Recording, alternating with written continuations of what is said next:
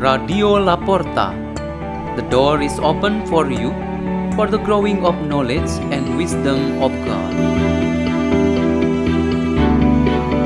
Delivered by Father Julio Mota, SDB, from the Salesian community of Provincial House in the Archdiocese of Dili, Timor-Leste.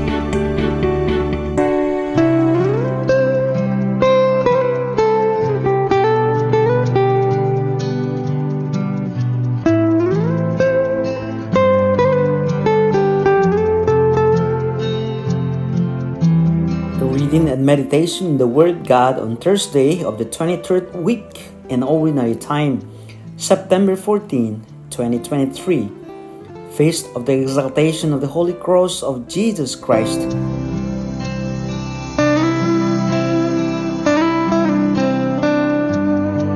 A reading is taken from the Holy Gospel according to John. Jesus said to Nicodemus, no one has gone up to heaven except the one who has come down from heaven, the Son of Man. And just as Moses lifted up the serpent in the desert, so must the Son of Man be lifted up, so that everyone who believes in him may have eternal life. For God so loved the world that he gave his only Son, so that everyone who believes in him might not perish, but might have eternal life.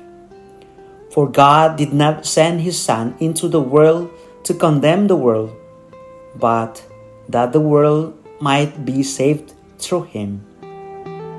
The Gospel of the Lord.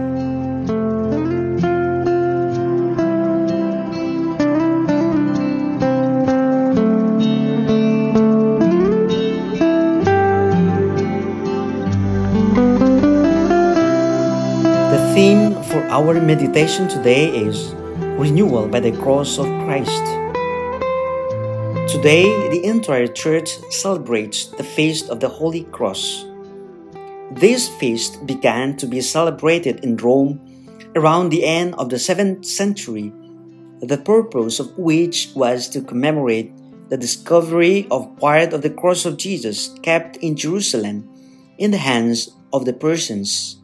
Emperor Heraclius found part of the cross and brought it to Jerusalem on May 3rd, 629.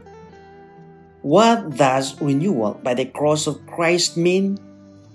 The Lord Jesus came to unite earth and heaven, and then raised those on earth to glory in heaven.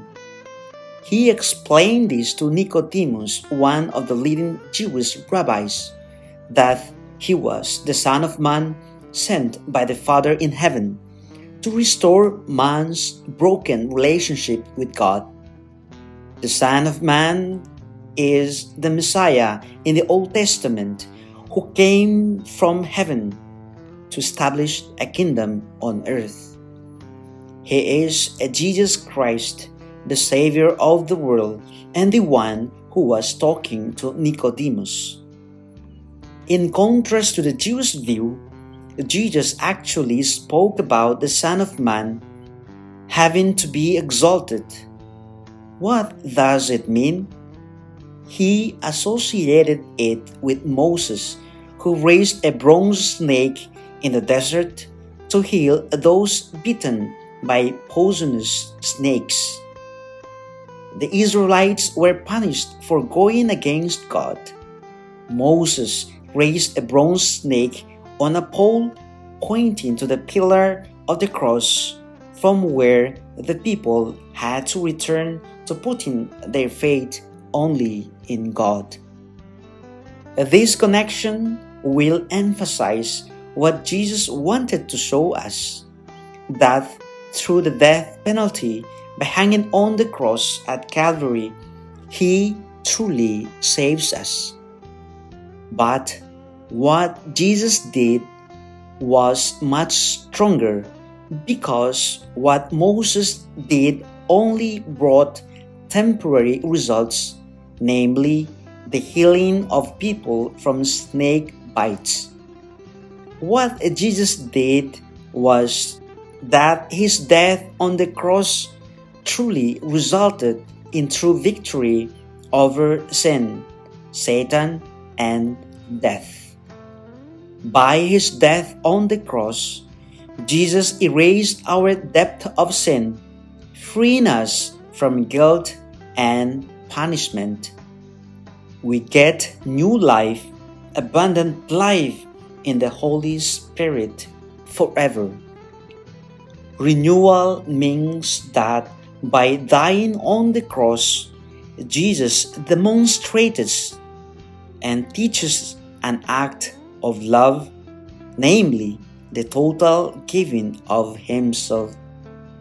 He did this as an offering of His love to the Father and for our redemption and salvation from sin. This renewal also explains the resurrection of the glorious body to enjoy eternal life and sit at the right hand of the Father to reign forever and ever. Now, He is in heaven to protect and guide our lives here in this world. We live in this moment and here truly blessed by the triumph of the cross of Christ. Let us pray in the name of the Father, and of the Son, and of the Holy Spirit. Amen. O Lord Jesus Christ, may our lives as individuals and people of faith always be illuminated and strengthened by the mystery of your holy cross, which is a glorious victory for us. Glory to the Father, and to the Son, and to the Holy Spirit, as it was in the beginning, is now, and will be forever. Amen. In the name of the Father, and of the Son, and of the Holy Spirit. Amen. Radio La Porta. The door is open for you.